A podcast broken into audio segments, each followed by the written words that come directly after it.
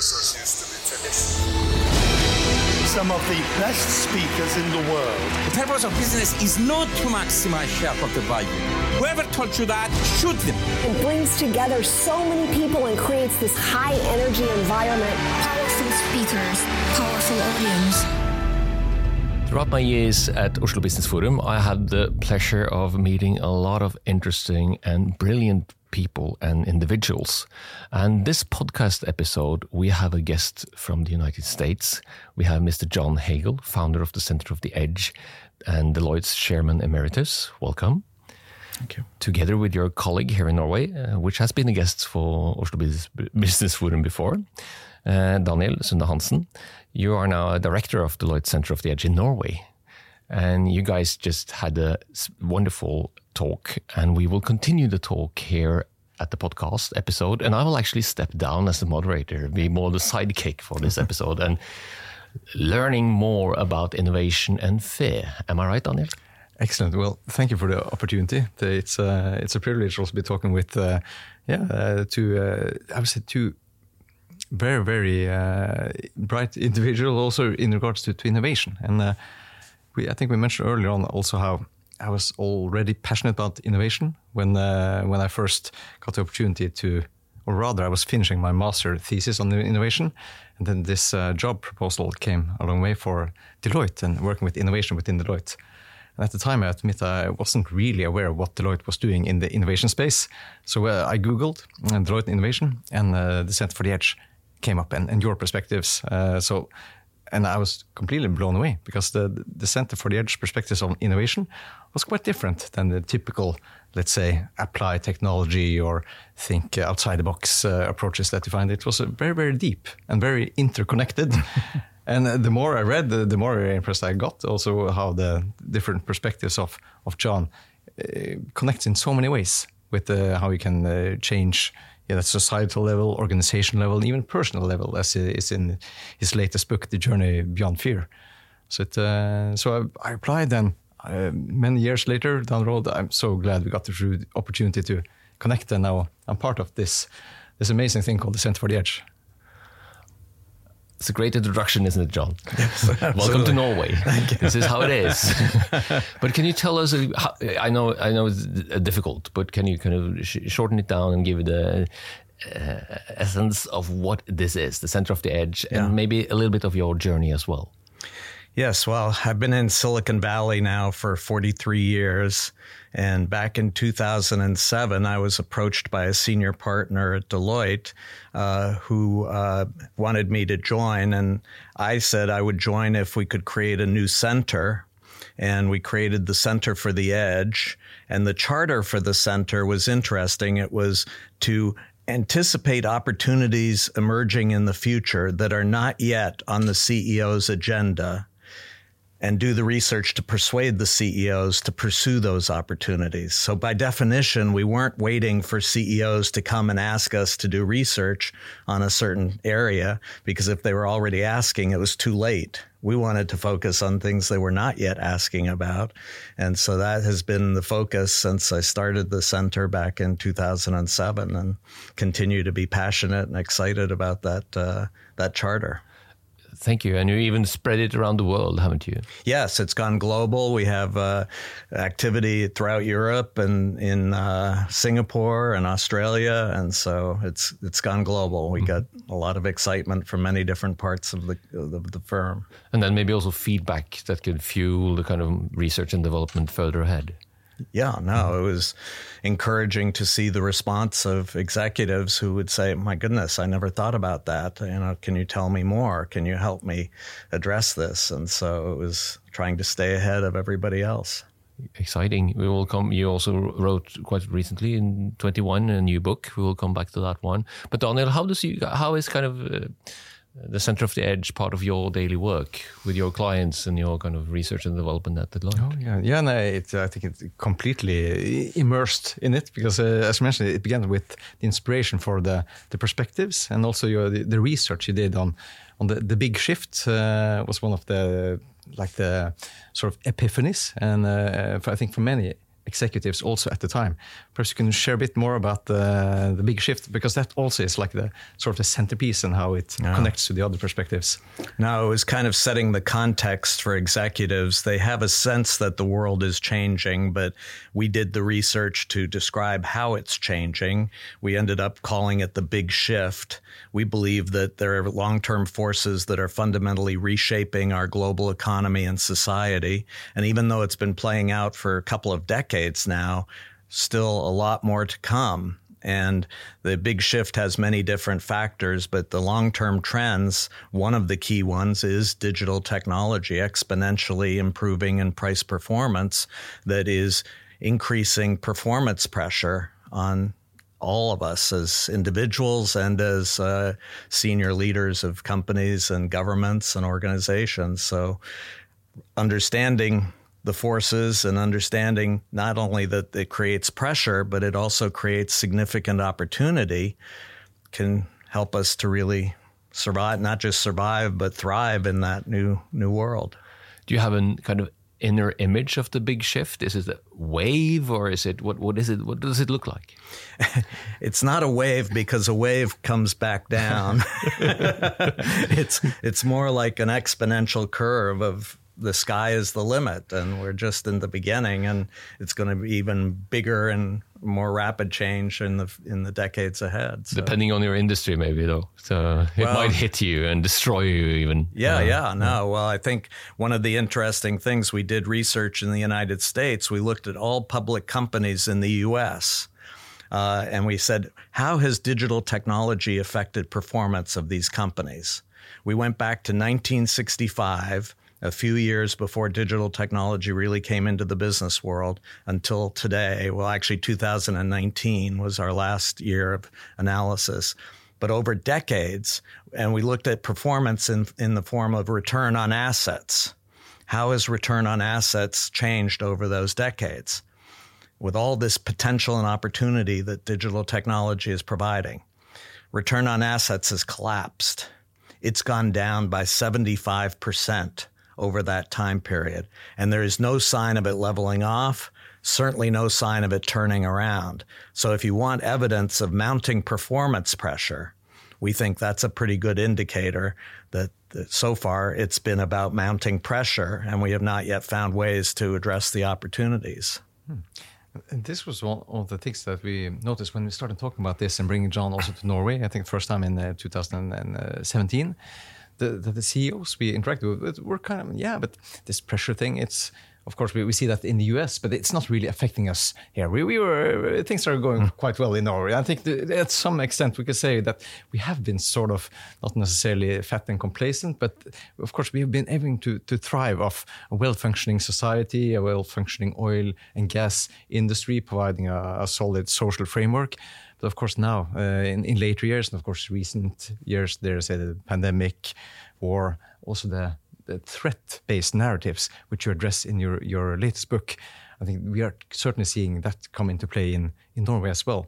So, giving, I think, a, a new, uh, refreshed way of, of looking at the research from the US and how everything seems to be echoing also back here. Before leaping into the beyond of fair journey, I, I would just uh, try to dig a little bit deeper on the shift.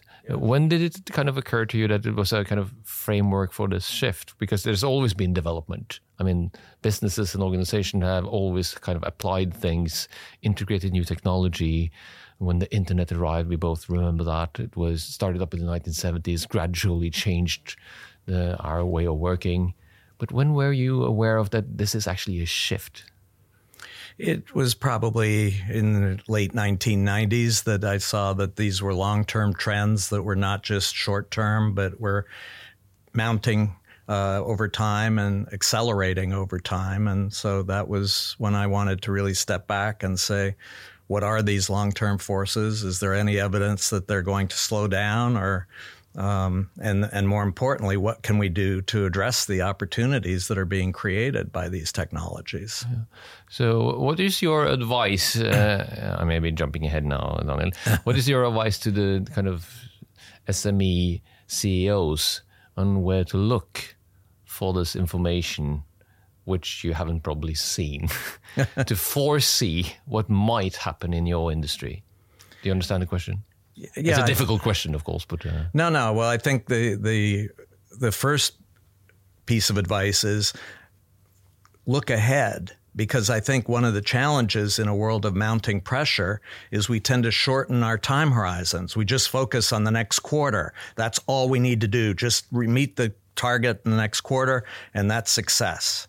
Versus no, look ahead, not just a year or five years, 10 to 20 years, look ahead to see what are the really big opportunities, exponential opportunities emerging that we could be addressing. And how can we start now to address those opportunities? The, this uh, 20 year time frame has also been something that uh, has been sort of a hard sell at times with, with the CEOs with the country. But to, to your point, Liz, oh my God, there's so many things going on. I, I can barely focus for a year. And I think even the, that sort of that's this agile movement has also amplified the shift. Just, yeah, we're just, uh, we can just uh, hedge our bets and we have a huge portfolio of innovation initiatives and some of them will fly and others will not. And let's just be, uh, in, in essence, reactive. But uh, then you, you ask, or your challenge is rather shape or be shaped. And in this exponentially changing world, being a fast follower becomes harder and harder. Yeah, no, I think it's an interesting um, progression over time. I, I think that um, it's hard to uh, really uh, capture the full essence of this, but I think the, the notion is that we need to uh, look ahead because the opportunities today are going to be relatively modest, but over time will exponentially increase. But then focus as well on short term act- actions. I call it the zoom out, zoom in approach to strategy. And it's inspired by, as uh, I mentioned, I've been in Silicon Valley for many decades, and some of the most successful technology companies in Silicon Valley have pursued this kind of strategy, even though they didn't use the name zoom out, zoom in. Um, but to, to Daniel's point, you know, the response of many executives is, oh, I can't look ahead that far into the future. It's too uncertain. It, a uh, an interesting example that I like to give. There are a few companies that have where this has been written about, but there was one company. It was a small startup in Redmond, Washington, back in the 1970s. A company called Microsoft. You may have heard. Um, the founder, Bill Gates, pursued a zoom out, zoom in approach. And his zoom out in the computer industry was summarized in two sentences. One is uh, the processing power of computing is exponentially expanding, and we're going to move from centralized mainframes to the desktop. And the second sentence was if you want to be a leader in the computer industry, you need to be a leader on the desktop. But that was the zoom out. It wasn't the detailed view of what the computer industry was going to look like, but enough specificity so that he could focus his short term actions. What does it take to be a leader on the desktop? And again, I caution because many people hearing this say, well, of course, that was obvious. But back in the 1970s, that was viewed as ridiculous. The mainframe companies dismissed Microsoft as this toy company but he had enough focus on things that were reasonably predictable the exponential improvement of, of the technology, the digital technology, and the frustration that eh, employees had of having to wait in line for this mainframe to get a very simple question answered. And he said, that I can count on. That's predictable. Yes, there's a lot of uncertainty, but that's predictable. That can focus all my short term efforts. Mm. And I think it led to huge success as a result. Uh, and I can think of a, a, number of reasons uh, or other reasons or resources that CEOs and other leaders need to kind of stay with that vision or that kind of focus on that long term. I mean, looking for the the, the evidence that you need to see happening. Yeah. If not, uh, you will lose faith in it, wouldn't you? Yeah, so, well, I think that's the that's the power of the zoom out, zoom in, because it's not just looking ahead to see the opportunity. It's saying in the next six to twelve months, what action can I take that will accelerate my movement towards that opportunity and where I can learn from those actions as to what really will accelerate my movement. And I can learn more about that opportunity in the future because through the action, I will see more details that I hadn't seen before. So it's that focus on action today, but driven by a very long term opportunity. Wonderful. My my take on that is from strategy is to must win battles, and if you can bring the decision maker unit on board on those must win kind of targets and stick to it, mm. not get diffused by everything that's uh, at stake because there's a lot of things happening at the same time now, isn't yeah, it? So it's hard to keep focus. Maybe no, that's the that's right. biggest problem. Maybe I don't know. Well, and I, I, should use this as an opportunity to shift from strategy to uh, psychology. I've come to believe. Um, you know, I was trained as a business strategist. I was trained that strategy is everything. If you have the right strategy, you win. And over the years, I've come to believe that it's less about strategy and more about psychology if we don't understand the emotions that are driving us and shaping our choices and actions, the best strategy is just going to sh- sit on a shelf somewhere. And the challenge with the big shift and mounting performance pressure is it feeds the emotion of fear in all of us. And while I think it's a very understandable emotion, if you're facing more and more pressure, yes, it's right to be afraid. But at the same time, recognize that fear shrinks our time horizons. We just focus on today. We can't afford to look at the future. We lose trust in each other. We can't afford to trust anybody because things are so scary. And we become much more risk averse. We're less willing to take chances and be risk takers. And so it accelerates that mounting performance pressure because we're just holding on to what we have versus recognizing the need to change and the opportunities that are out there in the future. We can't even see the opportunities, much less be motivated to pursue them. And so it was the, the catalyst for me to write my latest book, The Journey Beyond Fear, which was this notion that we need to acknowledge the fear that is increasingly spreading around the world and shaping all our choices and actions, and find ways to cultivate emotions that will help us to move beyond the fear and achieve much more impact that's meaningful to us. Is it a state of mind, John, kind of being optimistic or pessimistic towards the future, or is it something that we can learn or overcome? Yeah, well, it's a good question. I, I think it's um, people talk in the business world talk about mindset. What's our mindset? Um, I focus on heart set. What is in our heart, and that's the emotions. Mindset is about our beliefs and our uh, the data that we're we're analyzing, but the real focus needs to be on what is in our heart and what is driving our, our choices and actions today. And I think increasingly, being driven by fear, we are in a doom loop or death spiral where increasingly the pressure mounts and we perform less and less well and yeah, we focus on the margins. And they're shrinking. Right. And and part of the and i think daniel mentioned it briefly was this notion of one of the consequences of fear is that we um, don't want to take a lot of risks so we do 20 different initiatives because that's less risky. At least one may may succeed, but if we just do one, that's high risk. But the challenge is if you do 20, you spread yourself way too thin over too many initiatives, so you don't have a lot of resource against any of them, and you become very complacent. If one of those initiatives fails, not a problem. I have 19 others. And so there's not this commitment and conviction about what is required for success. And that, I think, is where the big opportunities are, is when you commit and focus versus spreading yourself way too thin. Yeah, everyone has read Eric Ries so to, to, move fast and fail fast and then learn from it. Mm. And, and I think also, I, I, think this is so interesting to listen to, John. I think you and capture something that is the combination of strategy and how to develop not only businesses but also individuals. Because it, when it comes at least for now maybe in 20 years it might not be the humans that take the decisions. We'll come back to no, that. no. yeah we'll come back to that. But for now there are humans that will decide either on 20 i mean innovation projects or two. Yeah. and you will prefer one maybe.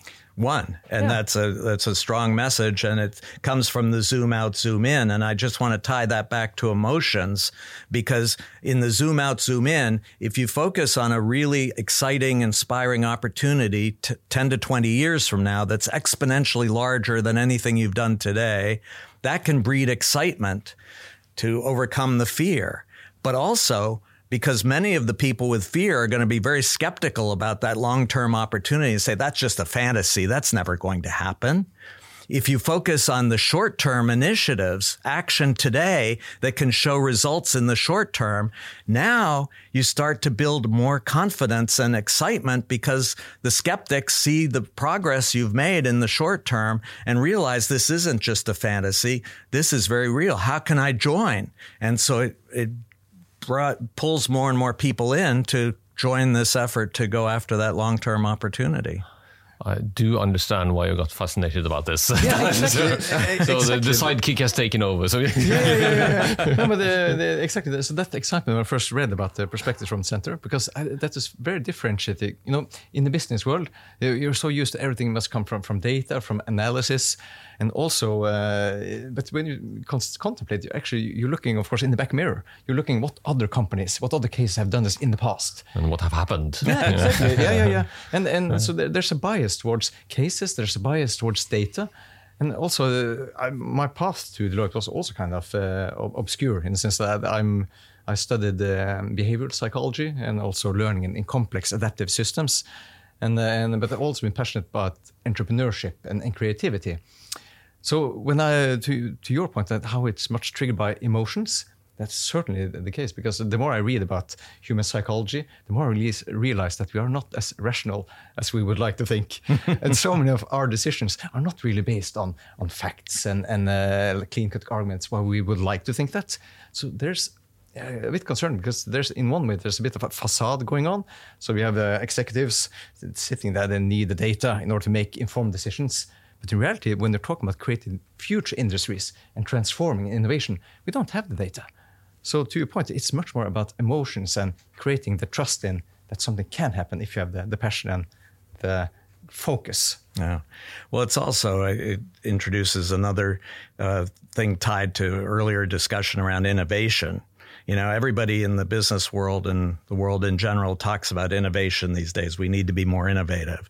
And what they mean by that generally is we need to come up with more creative products and services and get them into market faster. That's an innovative company or an innovative business. I believe the innovation that we need in the big shift is not at the product and service level, it's at the company and organization level. It's stepping back and saying, what is the model that we are running our institutions with today? And I'm going to generalize, but I would say most large institutions around the world are driven by a model that I call scalable efficiency. The key to success is how can we do things faster and cheaper? And that's going to be the key to success. And I think for over a century, it has led to significant success. All our large institutions have grown through this scalable efficiency model. But I think in this big shift world, the institution model that we need to innovate and create is a model of scalable learning where the focus is how to get all the participants in the organization to learn faster together. And when I talk about learning here, it's not learning in the form of sharing existing knowledge, going to training programs. It is learning in the form of creating entirely new knowledge. Because in a rapidly changing world, our existing knowledge is becoming obsolete at an accelerating rate. And the knowledge that's going to be most valuable and necessary is new knowledge that's emerging as a result of all these changes.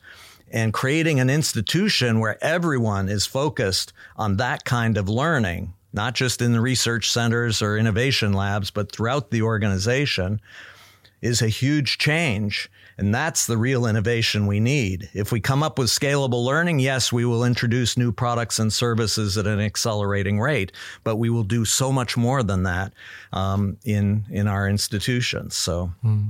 I really love that you put learning into it. I, I phrase myself uh, often as a teacher uh, because that that's the key part of uh, being alive for me anyway. Yeah. to learn from others and try to kind of bring the perspectives on others. Partly on a podcast from time to time, but also helping people to see other perspectives. That will help me as well. Uh, in, in the subtitle of your latest book, The Journey Beyond Fear, you put leverage the three pillars of positivity and then the American, very American subtitle, to bring your own success. but but, but we frame on the on the three pillars. Can you can you tell me those? What are the secret sauce of the three pillars? It's going to take a long time. Uh, the, The challenge, the challenge for me is the three pillars. I use words um, to describe the three pillars. One is narrative, the second is passion, and the third is platforms. The challenge is I have very different meanings attached to each of those words than most people do. For example, when I talk about narratives, people say, Oh, you're talking about stories. Yes, stories are powerful. They're great. I believe there's a big distinction to be made. And short form stories are uh, self contained. They have a beginning, a middle, and an end to them. The end story is over. And the story is about me, the storyteller, or it's about some other people, real or imagined. It's not about you. In contrast, for me, a narrative is open ended. There is no end yet. There is some kind of big threat or opportunity out in the future, not clear whether it's going to be achieved or not. And the resolution of the narrative hinges on you. Your choices, your actions are going to determine how this narrative plays out. So it's a call to action. And I think becomes very powerful again in terms of shaping emotions that will either drive success or failure. And so that's um, just one of the pillars. There are two other pillars and different. No, I'm so glad that I asked you this question because it's obviously what was our, I mean, our ancestors when they sat down and talked prior to the electricity, prior to when we were hunters and we were kind of, our brains were formed and all that stuff. We came up with all kinds of stories. Yeah. Uh, and it continued. Yeah. Uh, and that, that was the way of kind of explaining how we came around, and and our dreams as well were probably embedded into these stories. So there is a connection here, isn't it? To looking at the future in an optimistic, more positive, but also action kind of learning perspective. Am I right? No, absolutely. And Narratives. bringing it to the table. narratives are, are very powerful learning devices, and I think they can also uh, be a container for stories. So uh, I'll just give a quick example, hopefully quick. Um, uh, one of the narratives that, few narratives that I can think of for companies is Apple Computer. Back in the 1990s, the narrative was condensed into the slogan of "Think Different," but the longer narrative was for decades, we had digital technology that took away our names, gave us numbers, put us in cubicles. Now, for the first time, there's technology that can allow us to express our unique potential and individuality. But it's not going to happen automatically. You need to think different. Will you think different? And in the context of that narrative, which was extremely inspiring, I think it's why for many people, Apple became the equivalent of a religion within the context of that narrative, they would tell stories about specific people, famous people who had thought different and accomplished amazing things.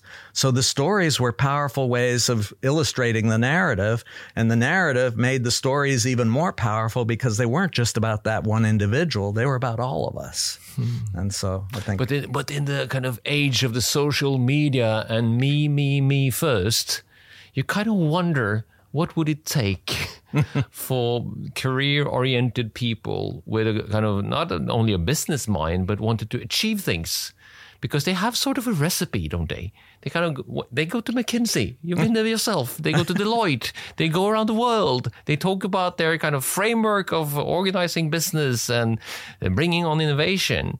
But when it comes to the end, it's your legacy, isn't it? Hmm. What have you done?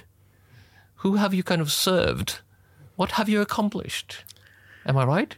Well, you're right. I think what it should be, but I think for most people, it is, you know, fear driven, mm-hmm. which is I just want to survive. I can't care about my legacy. I just want to be employed for this number of years before yeah. I retire, and that's and it. competition as well. It's competition, and to I'm going to lose right my stuff. job. Yeah, and yeah, so I think that's the challenge: is how do we get people to be inspired enough to say, "No, there's a huge legacy that I can leave here," and big opportunity and I need to take action today to pursue that opportunity. So, do you think that's different from kind of the American context? You met people from all over the world. You've been here several times. No, the catalyst. Can you, can you read Daniel and me as different from from people in Silicon Valley, or is it the same? No. Well, first of all, they're not. Uh, I mean in Silicon Valley, there's the reason I was drawn to Silicon Valley 40 plus years ago was because there was this sense of opportunity and excitement that was driving the people in Silicon Valley, which is very different from most of the world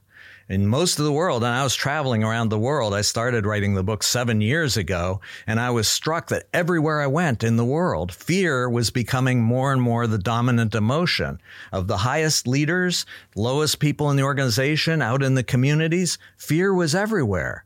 And again, while I think it's understandable, I think it's also very limiting. And so that was the motivation for me to write the book was to say, we need to pay attention to this. We can't just focus on the data and the uh, case studies of the past. We need to understand what's driving us, our choices today, and recognizing they're very limiting. Mm-hmm. And unless a lot of other people or individuals around me included, you are not so skeptic or frightened of all the machines taking over, are you? No, no. Again, I think it's a big opportunity for us to really uh, harness the potential and achieve much greater impact because we have the machines that can help us do things that today are very routine tasks that are consuming all our time and attention. And now we can focus on really being creative and addressing these big, big opportunities in the future. Hmm. And I would like to pick up on, on the point about creativity because there's the challenge I'm seeing also in, in a general level across the, the world, but also in Norwegian society, is our tendency when we're thinking about innovation, like you also mentioned, with just adding on a, a layer of digital, for instance. And you mentioned uh, education in school. I think one example could be this is how our kids, when uh, the the vision was, yeah, they need to be digitally educated. So we gave them uh, Chromebooks and and uh, tablet devices, but essentially didn't change much. So uh, in, in the case of the, the opportunity of using these techn uh, this technology to let them explore worlds, be creative, very much it's very untapped still. And I, I, see also with my own kids, the, the, the task they get on these computers are very much the same task they get in old days. So when it was instead of just counting uh, pieces of, of blocks in a notebook, now you're supposed to count the pieces in Minecraft, for instance. So it's very, uh, there's a huge lack of imagination of the potential. So uh, there's huge opportunities, but well, we need one of the pushbacks too that I get because I'm focused, I believe we all have this potential for creativity and imagination. Many people say to me, Oh, come on, John, some of us are capable of being creative and imaginative, but most of us just want to have the assurance of an income and, you know, a career that's going to be successful. No, I, my response is let's go look at children five or six years old in a playground Show me one that isn't really excited about exploring new things and coming together with others and imagining what they could accomplish.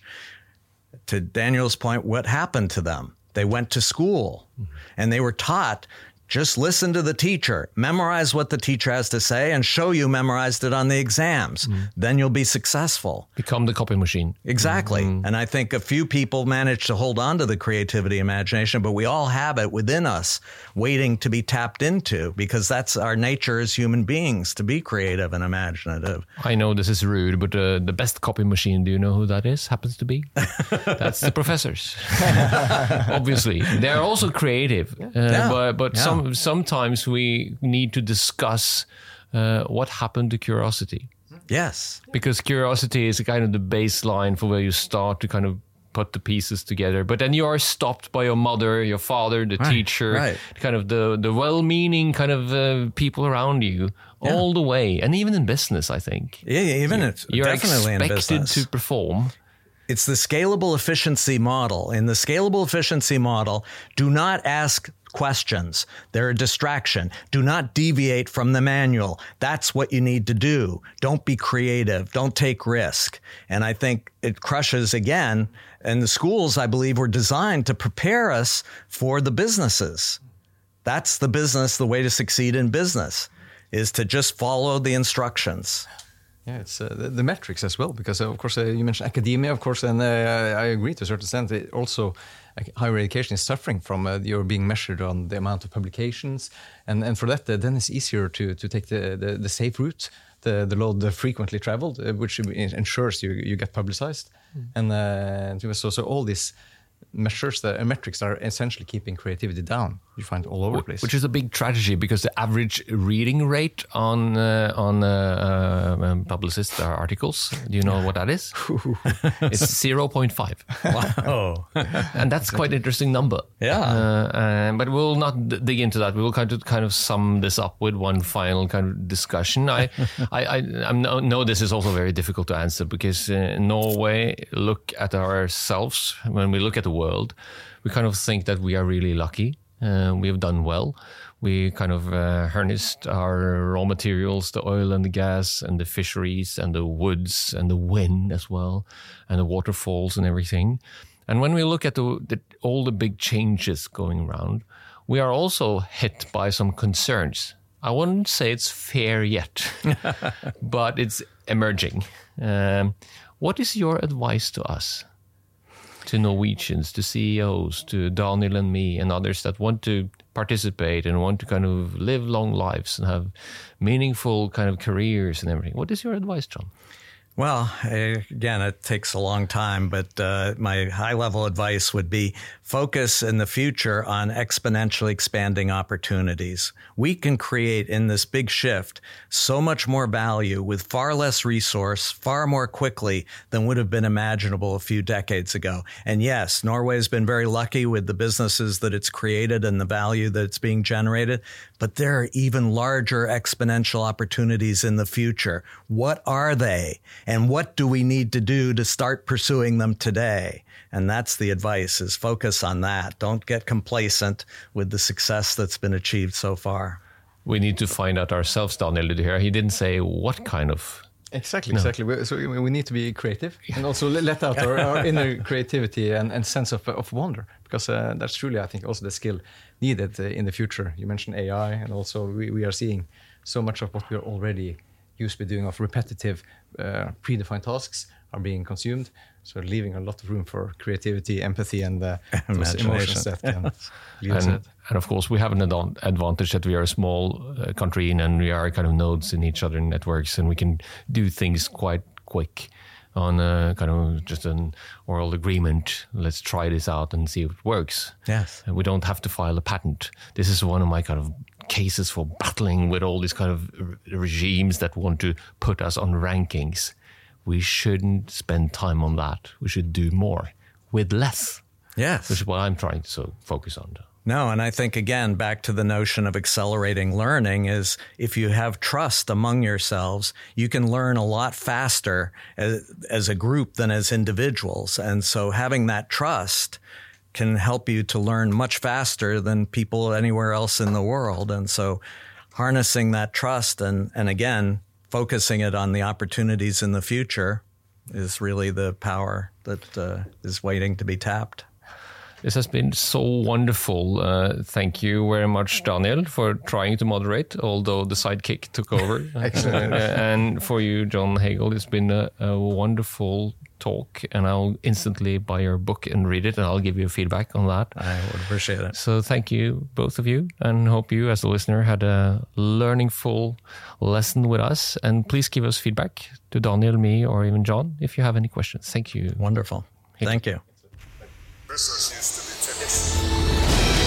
Some of the best speakers in the world. The purpose of business is not to maximize shareholder value.